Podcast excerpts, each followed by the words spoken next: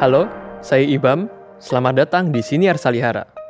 Ngomong-ngomong soal polemik, kritik sastra, seni, atau ilmu. Metode Ganset uh, menolak apa yang disebut objektivitas. Mhm. Misalnya men- menolak objektivitas ya. Aliran Rawamangun uh, memilih posisi tentu saja karena lebih cenderung memandang uh, kritik sastra sebagai satu satu ilmu karena posisinya kan dia ada di akademik ya dia uh, ya ob- objektivitas uh, harus harus tetap diperhitungkan. Jadi walaupun mereka menganalisis unsur-unsur karya sastra sehingga oleh Ganset dibilang mencincang karya sastra itu, tapi Mhm. sebenarnya menurut mereka keseluruhan utuh dari karya sastra, totalitas itu juga penting. Hmm, ya, ya, ya. Bagi mereka. Nah, ini kan sama dengan dengan Ganset Iya. sebenarnya. Teman-teman, dalam episode sebelumnya kita telah membicarakan dua pandangan dalam seni atau sastra dalam khususnya, yaitu manifest kebudayaan dan lekra. Manifest kebudayaan di satu sisi menentang pandangan sastra yang harus selalu terlibat atau digunakan untuk kepentingan-kepentingan di luar dirinya, seperti saja misalnya politik. Pandangan inilah yang kemudian eh, berkembang dalam kesenian dan sastra, terutama setelah 1965. Untuk mengembangkan kesenian, terkhususnya sastra, beberapa wacana dalam penulisan kritik ramai dibicarakan oleh kalangan sastrawan. Dua wacana dalam kritik yang berkembang di tahun akhir 1960-an sampai 1980-an itu adalah em, kritik dengan pandangan Ganzait di satu sisi dan di sisi lain ada aliran Rawamangun. Keduanya berpolemik eh, di majalah Sastra Horizon. Mereka juga sempat bertemu dalam sebuah simposium yang diadakan oleh Pusat Bahasa dan juga hadir di dalam media-media lain. Nah, seperti apa sih wacana yang berkembang eh, di antara kedua sisi ini? Apakah misalnya cita-cita yang diidam-idamkan oleh kedua sisi ini berbanding lurus dengan tulisan-tulisan yang dihasilkan? Nah, bersama saya sudah hadir Mas Arief Bagus Prasetyo, seorang penulis, penerjemah, dan kurator seni rupa. Halo Mas Arief, Halo Ibam, bagaimana kabarnya Mas? baik baik sekali. Eh, ini Mas Arief sedang di mana Mas? Saya di Denpasar, Bali. Ah, Oke, baik. Ya, eh, teman-teman, kita sedang terhubung oleh Mas Arief secara jarak jauh. Saya sendiri berada di Salihara dan Mas Arief sedang ada di Bali. Nah, baik Mas, Em, saya ingin eh, bertanya tentang kritik seni dulu atau kritik sastra. Eh, menurut Mas Arief, eh, kenapa sih Mas kritik itu menjadi suatu hal yang penting dalam perkembangan kesenian Mas, terutama sastra? Eh, menurut saya mengapa kritik sastra itu dipandang penting di dalam pengembangan sastra? Ya tentu saja karena pengembangan sastra memang merupakan salah satu fungsi dari kritik sastra. Hmm.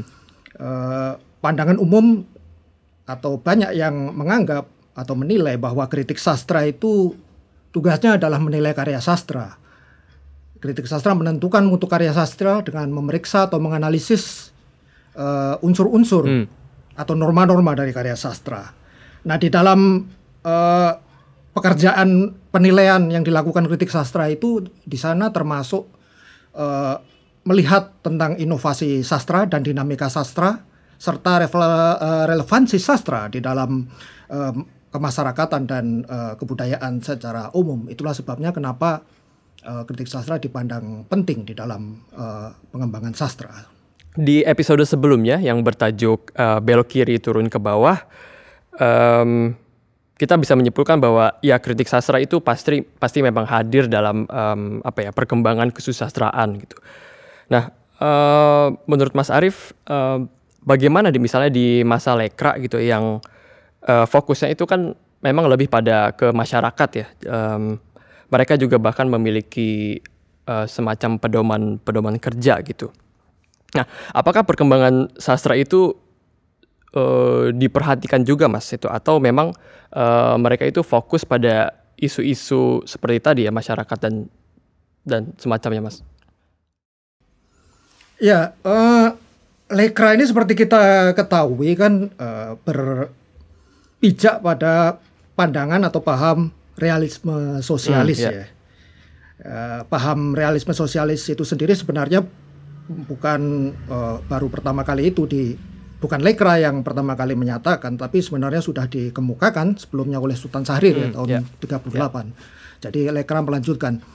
Nah, eh, dilandasi oleh eh, paham itu tentu saja sastrawan eh, Lekra itu berpihak pada rakyat, kemudian dasar paham seninya seni untuk rakyat, dan dia menolak seni untuk seni, yang tentu saja kita sama-sama sudah tahu soal itu kan. Nah, pada masa Lekra, eh, kritik sastra ini diproduksi, setahu saya ya, dari berbagai bacaan tentu saja karena saya pada waktu itu belum lahir, Eh, tetap diproduksi dan eh, saya kira eh, cukup banyak, tapi memang kebanyakan yang ada yang ditulis oleh eh, para kritikus yang kebanyakan juga merangkap sebagai sastrawan dari kubu Lekra ini adalah kritik sastra yang eh, sifatnya teoritis gitu loh.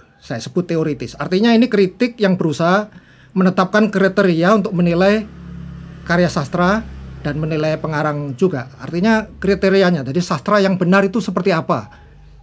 Menurut Lekra itu yang banyak diproduksi. Sedangkan kritik sastra eh, dalam arti terapan yang langsung eh, menganalisis eh, karya sastra tertentu pada masa Lekra itu boleh dibilang eh, tidak banyak dilakukan oleh eh, para kritikus Lekra. Hal ini sebenarnya dapat dimaklumi juga karena Lekra lebih mementingkan tujuan dari sastra itu ketimbang wujud dari ekspresi eh, sastra itu sehingga eh, bagi para kritikus Lekra eh, struktur karya sastra artinya estetikanya Hmm. kemudian struktur intrinsiknya itu dianggap nggak penting yang penting itu adalah isinya adalah gagasannya itu yang yang yang dipentingkan oleh eh, kritik pada masa Lekra oleh orang-orang dari kubu eh, Lekra. Kalaupun ada eh, karya-karya tertentu yang dibahas itu biasanya menyelip gitu ya, diselipkan di dalam pembahasan yang lebih luas tentang eh, tentang tentang sastra yang menurut eh, posisi politik mereka itu dianggap Hmm, baik ya, dan itu benar. eh, contohnya siapa ya Mas ya? Kalau saya boleh tahu. Kritikus-kritikusnya. Ya, eh, kritikus Lekra itu ya antara lain yang terkenal kan ada Buyung Saleh, ada eh, Bakri Siregar, Ya. kemudian ada Clara Agustia atau ini nama eh, nama alias dari AS Darta. AS Darta, oke. Kemudian juga sastrawan mm, sastrawan eh, raksasa sastra kita Pramudia Anantatur yang juga rajin menulis eh, eh, esai atau kritik sastra. Ya, ya. Berarti kritik seperti itu, eh, seperti itu apa ya? Mungkin hidup di kalangan em, sastrawan lekra ya, Mas ya. Tapi kemudian bagaimana dengan yang manifest kebudayaan gitu? eh, em, bagaimana kritik setidak-tidaknya dari mereka gitu sehingga mungkin kedua pihak ini bisa apa ya? Suasana kritiknya tuh bisa hidup gitu, Mas. Di satu di satu pihak gimana, Mas? Ah, kalau saya ditanya eh, bagaimana dengan eh, kritik sastra di luar di luar eh, kelompok Lekra, saya kira sejauh yang saya tahu sih diproduksi juga gitu, diproduksi juga, terutama juga dari para sastrawan. Tapi memang eh, saya kira iklim iklim eh, politik kebudayaan dan kesusastraan pada waktu itu tidak memberikan eh, eh, banyak ruang ya bagi para penulis eh, dari kubu manifest eh, kebudayaan untuk mengungkapkan eh, ide-idenya. Beberapa penulis bahkan eh, di apa ya katakanlah dilarang untuk Mm-mm. menulis pada ma- ma- pada waktu itu, terutama setelah manifest kebudayaan diharamkan Ya, di tahun secara 1964 ya. resmi iya mm-mm. secara resmi gitu Iya. jadi tetap ada tetap ditulis saya kira di eh, akademi juga eh, tetap lahir itu kritik-kritik eh, kritik sastra dalam bentuk eh, karya akademis tahun 50-an juga Mhm. tetap tetap ada itu tetapi memang tidak menonjol suaranya itu eh, kalah dengan suara kubu Lekra yang memang kalau saya baca tulisan-tulisan mereka itu sangat agresif dan polemis sekali sehingga pasti menarik Hmm. perhatian gitu. Ya, uh, berarti memang kritik sastra itu emang apa namanya tetap selalu ada ya, tapi bentuknya saja ya misalnya yang uh, agak berbeda menyesuaikan kondisi zaman gitu. Kita tahu dulu misalnya ada ATU gitu, uh, yang mungkin kritik-kritik itu bersifat uh, analitik ya, uh, dan di tahun di dan di tahun 1960-an kemudian dia berkembang uh, menjadi seperti apa yang tadi uh, Mas Arief sampaikan gitu ya Mas ya. Nah, oke okay, sekarang kita uh, maju beberapa beberapa tahun sedikit ya ke depan. Ini membicarakan tentang uh, Ganzait versus aliran Rawamangun. Nah, di 1968 ya, uh, kita menemukan ada polemik mengenai pendekatan kritik sastra yang kemudian itu tadi ya disebut sebagai Ganzait Ganzait versus um, Rawamangun. Nah, apa sih Mas yang membuat masing-masing um, pandangan pandangan ini bisa muncul Mas? Um, siapa pelopornya, eksponennya gitu dan apakah misalnya Ganzai di satu sisi uh, meneruskan tradisi kritik yang dipraktikkan oleh Yasin misalnya Mas. Misalnya misalnya itu dan kemudian di lain sisi um, uh, apa yang um, apa ya mempengaruhi aliran Rawamangun perbedaannya di mana?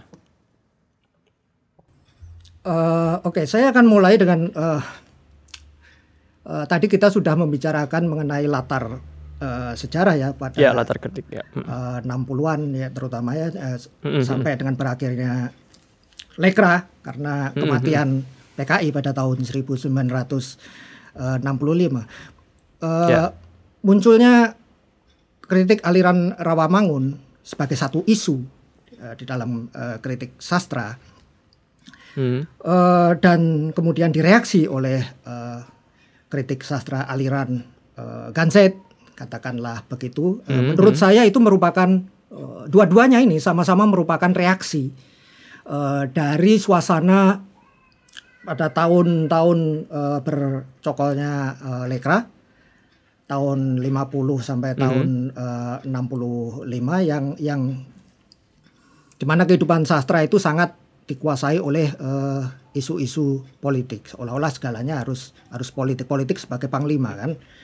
Kan begitu. Nah e, dalam pandangan saya Ganse dan Rawamangun ini mereaksi itu setelah itu e, Lekra tidak ada. Di satu di satu sisi e, Rawamangun mm -hmm. ingin mengembalikan kritik sastra itu pada karya sastra itu sendiri pada pandangan yang e, objektif katakanlah gitu. Menilai karya sastra berdasarkan karya sastra itu sendiri hmm, berdasarkan hmm. struktur karya sastra itu sendiri dan uh, menurut salah satu uh, eksponen Rawamangun sebenarnya pemikiran itu muncul pada tahun 1966 sebenarnya ketika uh, para sarjana sastra itu yang kemudian disebut uh, sebagai eksponen krit, uh, kritik sastra aliran Rawamangun itu uh, mengadakan simposium uh, sastra uh, mereka itu tidak mau lagi sastra itu dikuasai oleh uh, ideologi seperti uh, pada zaman sebelumnya,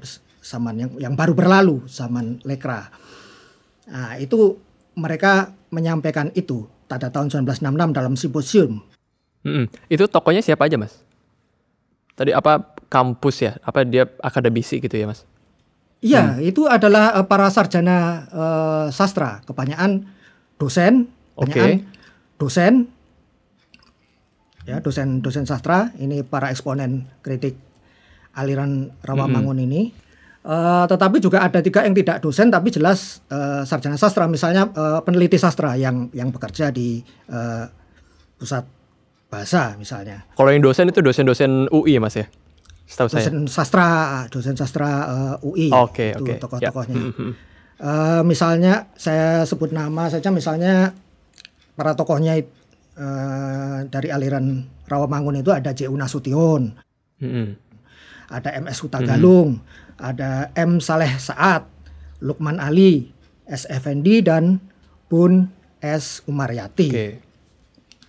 Nah, itu uh, Rawamangun. Mm -hmm. Kemudian uh, metode kritik aliran uh, Ganset yang di uh, ajukan oleh uh, Gunawan Muhammad dan uh, Arif Budiman ini da sebenarnya dapat dipandang uh, mereaksi itu, mereaksi kritik dari kalangan uh, akademis itu itu boleh Hmm. dibilang uh, begitu walaupun sebenarnya uh, bibit pemikiran uh, metode Ganset ini sudah muncul pada tahun 1965 melalui uh, tulisan Sutisna Aji Ya, ini nama samaran dari uh, Gunawan Muhammad yang tahun 65 Oke.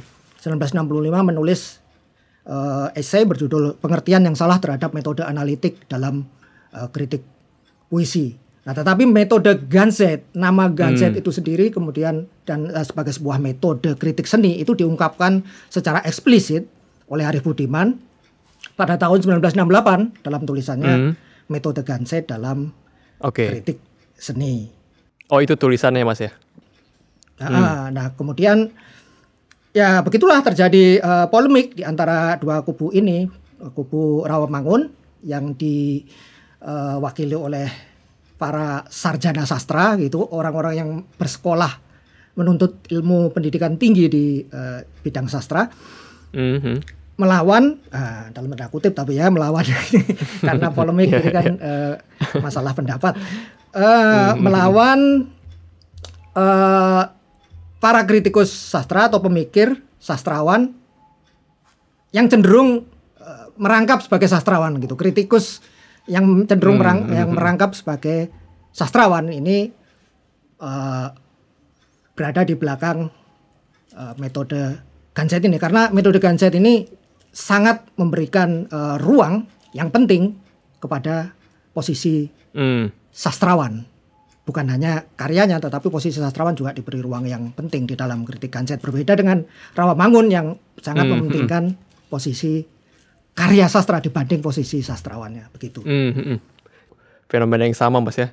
Eh, kemudian em, di aliran Rawamangun misalnya yang tadi eh, disebutkan bahwa eh, para eksponennya itu adalah dosen gitu.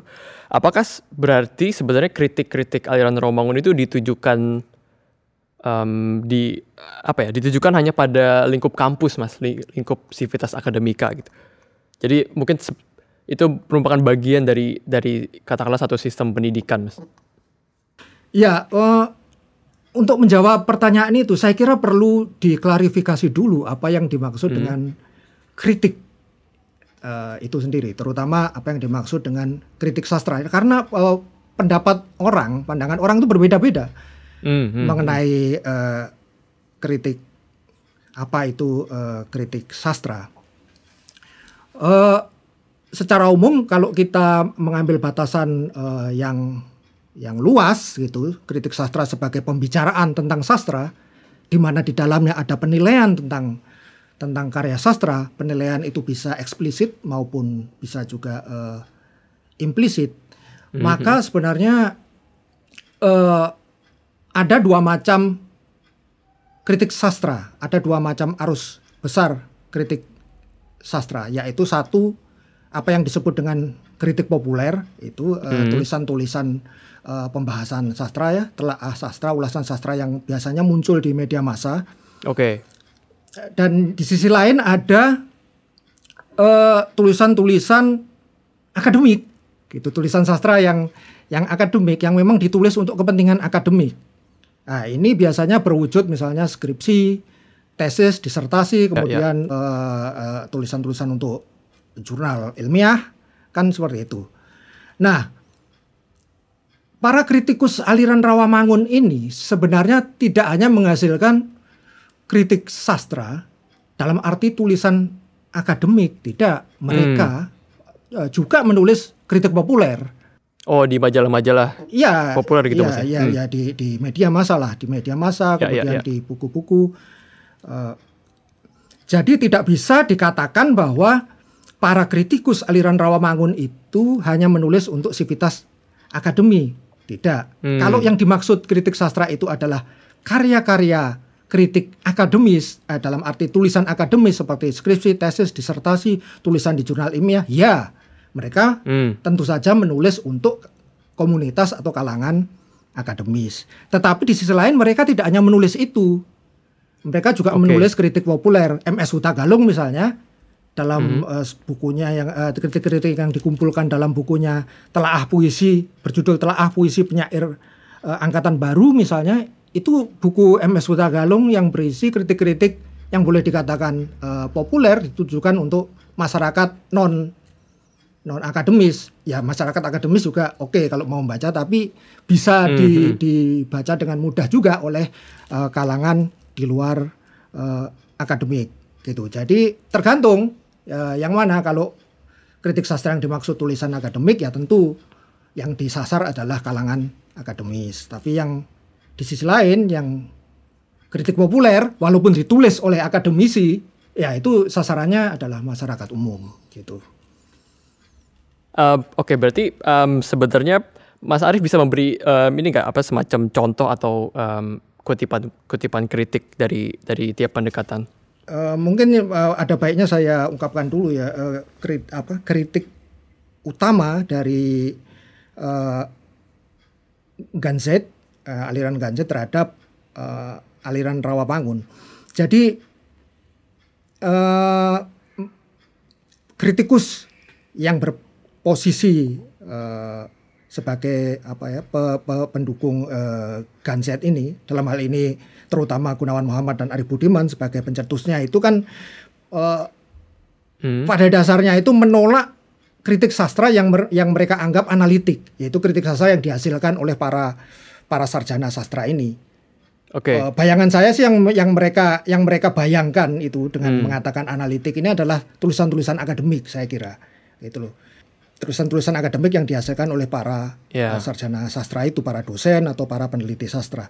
Nah, tulisan-tulisan kritik sastra analitik itu itu uh, dianggap oleh Ganset, pendukung Ganset sebagai mencincang karya sastra seperti uh, karya sastra itu diperlakukan seperti mayat gitu, mayat di atas meja bedah, dicincang-cintang.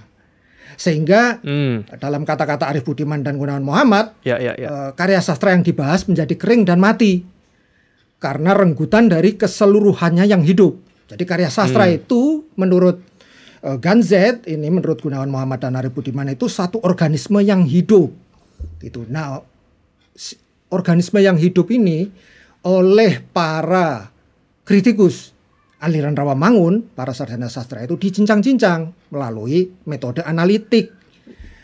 Gitu. Sehingga mm -hmm. karya sastra itu menjadi tidak lagi menjadi yeah, ya. hidup yeah. tetapi menjadi kering dan mati.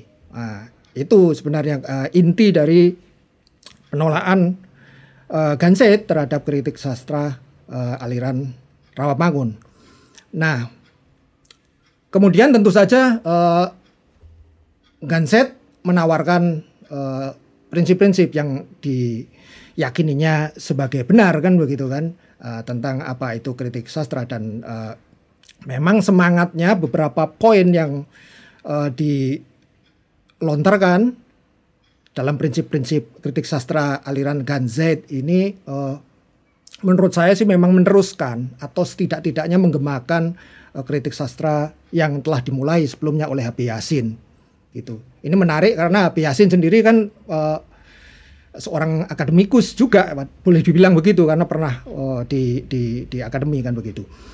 Nah, bagi uh, kritik Ganset ini prinsip salah satu prinsip yang penting adalah bahwa kritik sastra itu pertemuan atau dialog antara manusia dan karya sastra, antara kritikus dan sastrawan gitu. Jadi pertemuan atau dialog atau istilahnya Arif Budiman itu interferensi dinamis gitu antara uh, kritikus sebagai manusia. Nah, ini faktor manusia ini sangat digarisbawahi sama seperti Jasin ya, Yasin Pak Yasin faktor pribadi si kritikus ini menjadi sangat dipentingkan eh, karena terjadi dialog kritik kritik sastra adalah dialog antara manusia si kritikus dan karya sastra yang merupakan ekspresi pribadi dari si sastrawan.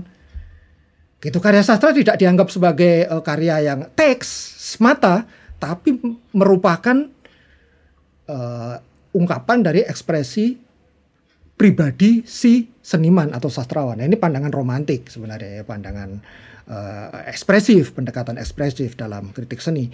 Dan prinsip yang penting juga dari uh, Ganset ini bahwa yang uh, disebut uh, kritik sastra itu bagi mereka itu bukan bukan bukan apa ya bukan penelitian sastra atau telaah sastra bukan bukan itu Hmm. Tetapi kritik sastra itu adalah kecakapan, pengungkapan oke. kembali pengalaman estetik itu bagi aliran Ganzet. Jadi dalam kritik sastra yang dianggap benar Hmm. oleh kelompok Ganzet ini si kritikus itu sebagai manusia itu mengungkapkan pengalaman estetiknya ketika dia bertemu atau berdialog dengan karya sastra.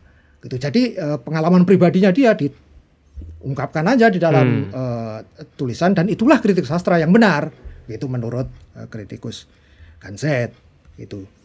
Saya penasaran sebenarnya em, Hmm. a- ada nggak tanggapan dari para penulis Rawamangun terhadap gugatan em, metode Ganzait ini, Mas? Oh, tanggapan banyak. Oleh karena itu terjadi polemik kan gitu Oke, karena heeh. Tanggapan itu apa aja, Mas, kira-kira? eh, bersaut-sautan. Eh, iya.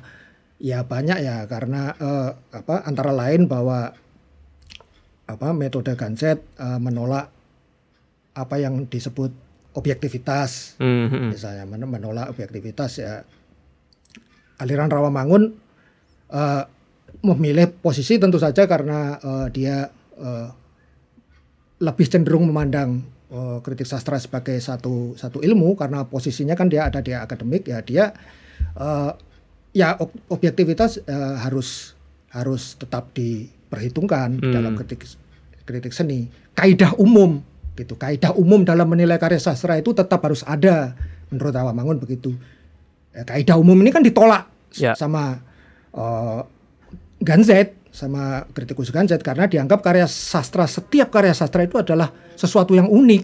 Jadi nggak bisa diterapkan kaidah umum untuk menilai karya sastra. Hmm. Menurut Ganzet begitu.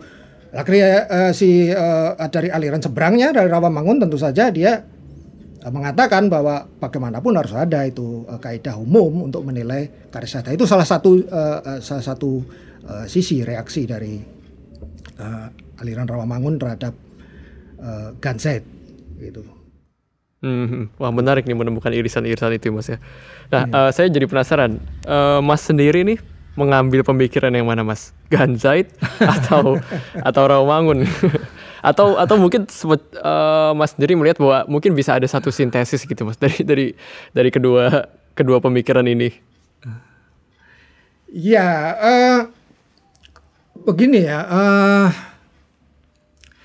kritik sastra aliran Ganzet boleh dibilang begitu, seperti yang saya katakan tadi itu sebenarnya kan kritik sastra yang eh, banyak disuarakan, bukan hanya disuarakan ya, disuarakan oleh kritikus yang sekaligus merangkap sebagai sastrawan, Hmm. misalnya Gunawan Muhammad, Ya ya misalnya ya kan ya. begitu. Hmm, hmm. Nah, oleh karena itu kritik eh, aliran Ganzet ini dipandang sebagai eh, jenis kritik yang membela eh, sastrawan, membela posisi eh, pengarang, kan begitu. Ya. Nah, kalau ditanya apakah saya eh, eh, eh, melakukan eh, seperti itu, saya sampai saat ini saya posisi pengarang itu buat saya eh, ya penting gitu, penting. Tetapi dalam kritik-kritik eh, tulisan kritis tentang sastra yang yang yang saya produksi itu, saya kira tidak tidak menempati eh, tempat utama. Saya lebih lebih banyak eh berkonsentrasi pada eh, pada isinya. Nah, dalam hal ini saya mirip dengan Rawamangun, kan Hmm, begitu. Oke, Kerawamangun Rawamangunan. Ya, tapi iya, tapi eh, apakah tulisan saya model eh, seperti skripsi dan tulisan-tulisan jurnal ilmiah enggak juga kalau Hmm. anda anda baca anda baca tulisan eh, kritik eh, kritik tulisan saya Hmm, hmm. Krit- saya lebih banyak mengeksplorasi eh, pengalaman saya eh, ketika membaca karya sastra di dalam eh, tulisan saya. Nah dalam hal ini saya dekat dengan Ganzet Hmm, kan gitu. Oke, oke. Karena, karena saya Wah, agak eh, nyampur nih, Mas. Iya, jadi saya saya campur aja. Saya kira begini ya, percampuran itu tidak terhindarkan. Kenapa? Karena sebenarnya Ganzet maupun Rawamangun ini yang dilontarkan itu kan pandangan-pandangan ideal, Ya. gitu loh. Pandangan-pandangan yang yang prinsip-prinsip yang sangat ideal. Pada prakteknya ya nyampur sebenarnya. Bukan hanya jangankan saya gitu yang yang sudah orang luar, apalagi berjarak sekian generasi dengan dengan uh, polemik itu. Lu para pelakunya sendiri pun juga nyampur juga uh, Ya. dalam dalam pandangan saya, dalam kritik-kritik mereka, misalnya. Gunawan Muhammad misalnya dalam beberapa uh, pembahasan sastranya, i sangat sangat analitik dan dan berkonsentrasi kepada uh, kepada uh, uh, karya sastranya, tidak kepada pengarangnya. Uh, lebih berkonsentrasi kepada wujud atau struktur karya sastra itu ketimbang uh, pengarangnya. Ada tulisan-tulisan uh, kritik sastra yang dihasilkan Gunawan Muhammad seperti itu. Kemudian tulisan-tulisan para eksponen Rawamangun juga tidak sepenuhnya terutama dalam uh, tulisan-tulisan uh, kritik populer mereka tidak sepenuhnya membahas karya sastra semata-mata. Itu tulisan MS Huda Galung Hmm, ketika membahas puisi Gunawan Muhammad dalam buku Telaah Puisi Penyair Angkatan Baru misalnya, dia menggunakan eh, posisi atau latar belakang pengarang sebagai dasar kritiknya. Oh, oke oke oke. Gitu kalau kita Oh, baca itu. tuh. Jadi mereka sendiri nyampur. Trivia-trivia ini menarik, Mas. Iya, karena karena itu tadi yang yang mereka sampaikan dalam teori Ganset maupun teori Rawamangun di seberangnya itu adalah ideal-ideal begitu eh, di di mata mereka gitu. Prakteknya Ya, lain lagi. Iya. Ini ini berarti ini Mas ya, ini apa ya? Seperti kritik Rawamangun tapi napas-napasnya nih Ganzait kayaknya, Mas.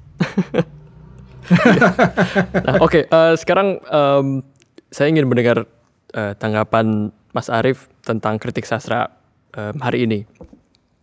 Em, melihat kondisi ini, menurut Mas Arief, bagaimana akhirnya kritik bisa menemukan kepentingannya kembali, Mas? Terutama di tengah tumbuhnya platform-platform eh, daring seperti ini. Apakah misalnya menurut Mas Arief media publikasi yang tunggal tadi ya eh, itu masih diperlukan atau sebenarnya kritik bisa membaur dengan platform bebas tersebut, Mas? pada zaman kita kondisi yang semakin eh, menyulitkan atau memberatkan situasi yang dianggap eh, selalu kekurangan kritik sastra di dalam kesusastraan Indonesia ini adalah semakin menghilangnya gitu majalah-majalah atau media-media yang eh, pada masa-masa yang lalu sebelumnya itu eh, menjadi tempat eh, apa ya, publikasi dari karya-karya kritik sastra yang bisa dijangkau oleh masyarakat luas, masyarakat umum, artinya di luar tembok akademik. Itu majalah sastra itu kan hampir tidak ada di Indonesia sekarang ini boleh dibilang ya, hampir saya bilang. Ada beberapa tapi juga sangat kecil atau sangat sedikit dan eh, belum lagi kalau kita bicara persoalan wibawa media atau majalah yang berwibawa saya kira yang sangat ditunggu-tunggu sangat diperhitungkan oleh sastrawan saya kira tidak ada pada zaman sekarang. Horizon mungkin masih ada tetapi apakah masih berwibawa seperti Horizon pada tahun 70-an 80-an ya kita saya sendiri tidak tidak percaya itu. Artinya wibawa itu memang sudah ti- tidak ada. Dulu Kalam sempat yang diproduksi oleh eh, Utan Kayu, eh, teman-teman di Salihara sekarang kan berwibawa juga, tapi kan juga sudah tidak ada. Gitu. Dan dan, dan eh, bahkan di koran-koran umum pun juga semakin sedikit ruang-ruang yang diberikan untuk sastra dan ini sangat eh, membuat situasi kurangnya kritik sastra ini menjadi semakin terasa sekarang ini. Nah, situasi ini dibarengi dengan munculnya media sosial kalau zaman sekarang kan begitu. Itu maka menurut saya kalau kita atau masyarakat sastra bisa menerima berbagai model sastra, berbagai model perkembangan sastra, kan bisa berkembang. Sastrawan bisa mengadakan eksperimen terus-menerus, ya kan? Bahkan itu didorong di dalam kesenian, di dalam sastra, supaya sastrawan bereksperimen, menemukan sesuatu yang baru, sehingga sastra itu terus berkembang kan begitu. Dan itu dipandang sebagai sesuatu yang bajik di dalam kesusastraan, sesuatu yang baik. Kenapa dalam kritik sastra kita tidak berpikir begitu juga? Oke. Jadi kita jangan terlalu konservatif gitu ketik- dengan eh, pikiran kita ketika kita bicara kritik sastra. Eh, kita selalu membayangkan yang ditulis Habib Yasin, selalu membayangkan yang ditulis oleh Subagio Sastrowardoyo. Ya su- ya sulit karena kondisi saya ekosistem sastra mungkin tidak mem mem memungkinkan untuk lahir hmm. lagi di zaman kita kritik-kritik seperti itu. Tapi kita punya zaman sekarang ada media-media lain yang berpotensi juga menurut saya dan potensinya besar untuk menyampaikan atau me me menyuarakan pemikiran kritis tentang sastra, tentang karya sastra maupun tentang pengarang. Misalnya melalui media sosial, Facebook. Terbukti beberapa tulisan di Facebook ketika kemudian dibukukan juga menjadi buku yang berbobot. Mm-hmm. Itu itu uh, ada gitu. Kemudian juga misalnya kritik sastra uh, di YouTube, kenapa tidak? Yeah. Gitu kan?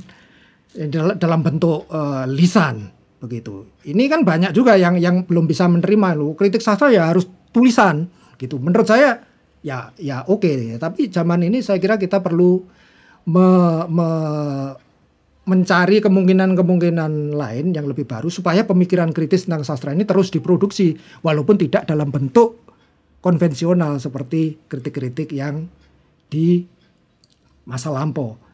Nah, sementara di sisi lain kritik-kritik dalam bentuk tulisan ya ini juga masih terus diproduksi kalau kita merangkul juga tulisan-tulisan yang ada di wilayah akademis.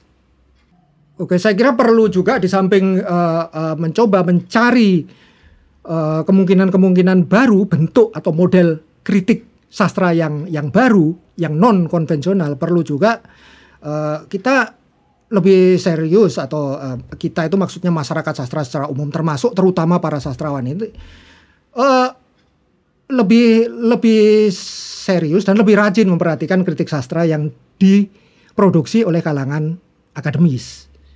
Gitu. Karena bagaimanapun kalangan akademis ini adalah apa yang kalau uh, boleh dibandingkan dengan situasi di di luar negeri di Amerika misalnya itu yang disebut dengan kritikus profesional mereka hmm. itu. Mereka itu profesional loh sebagai kritikus sastra, orang-orang akademis dan peneliti sastra ini. Sementara orang seperti saya, seperti Zenhai atau Nirwan Dewanto, walaupun menulis kritik sastra itu itu kritikus amatir. Itu loh. Dalam arti mereka tidak tidak bekerja hanya untuk itu, hanya untuk menulis kritik saja. Jadi kritikus profesional ini juga harus kita harus mulai di di di, di mungkin bahasa bahasa orde barunya dirangkul atau gimana lah itu supaya mereka lebih uh, supaya karya-karya kritik mereka itu lebih berdampak keluar tembok di luar tembok akademis. Kan begitu. Karena hmm. bagaimanapun akademi itu sebenarnya dalam pandangan saya itu dia melestarikan kritik sastra loh dia itu.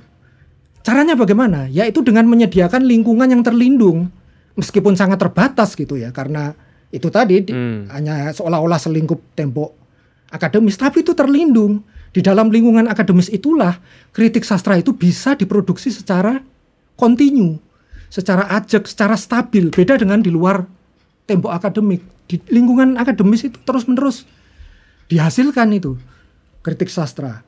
Memang tidak semuanya bagus. Sebagaimana di luar tembok akademis tidak semuanya juga bagus kan? Sama aja. Tuh, tapi di dalam uh, kritik sastra yang dihasilkan di akademis pun ada yang bagus-bagus kalau kita uh, mau belajar atau memperhatikan atau mencari tahu. Kecurigaan saya yang cukup uh, besar sebenarnya uh, dalam merespon isu krisis kritik sastra ini bukan ada atau tidak adanya atau sedikit atau banyaknya kritik sastra. Saya justru lebih curiga. Saya dalam dalam ini saya bersepakat dengan Subagio Sastrowardoyo dalam sebuah tulisannya tahun 1980-an yang juga uh, mengangkat persoalan isu krisis kritik sastra atau kekurangan kritik sastra hmm. ini adalah bahwa benarkah isunya itu kekurangan kritik sastra? Gitu kan. Jangan-jangan bukan itu isunya. Dan saya meyakini bahwa isunya sebenarnya adalah membaca kritik sastra ini yang tidak ada. Gitu loh. Hmm. saya saya sangat meragukan mohon maaf saya sangat meragukan mereka yang mengeluhkan krisis kritik sastra itu membaca produksi kritik sastra. Saya meragukan itu. Buktinya apa?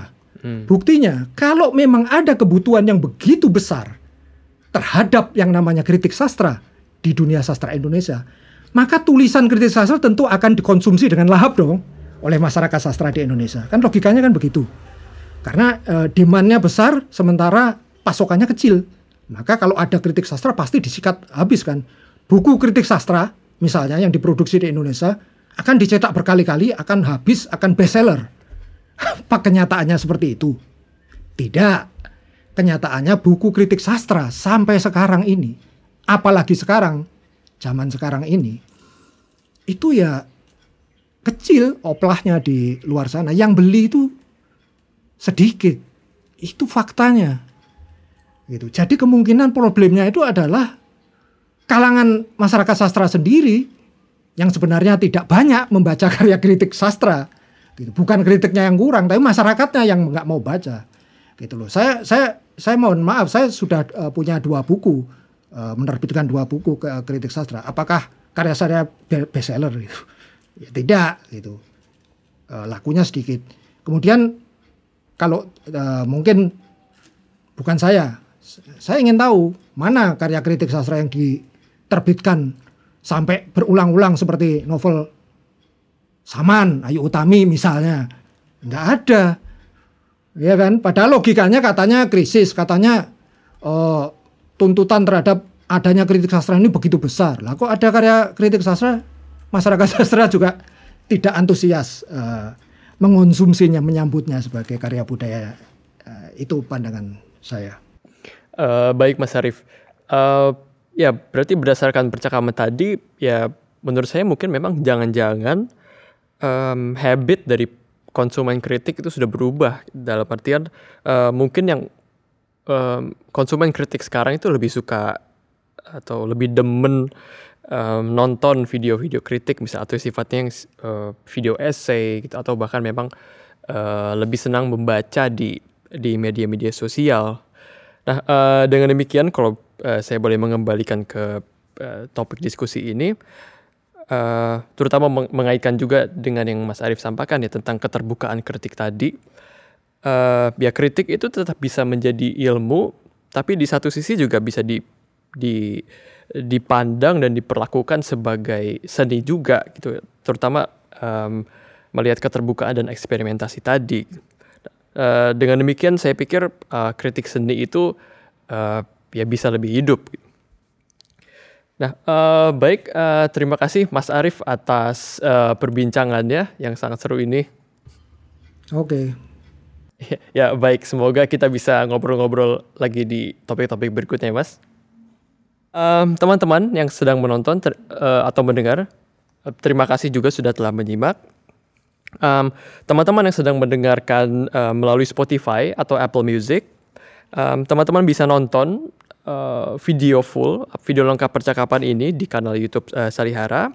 Dan bagi yang ingin mendengarkan percakapan lainnya, kunjungi kanal media sosial Salihara. Sampai jumpa di episode ngomong-ngomong soal polemik berikutnya.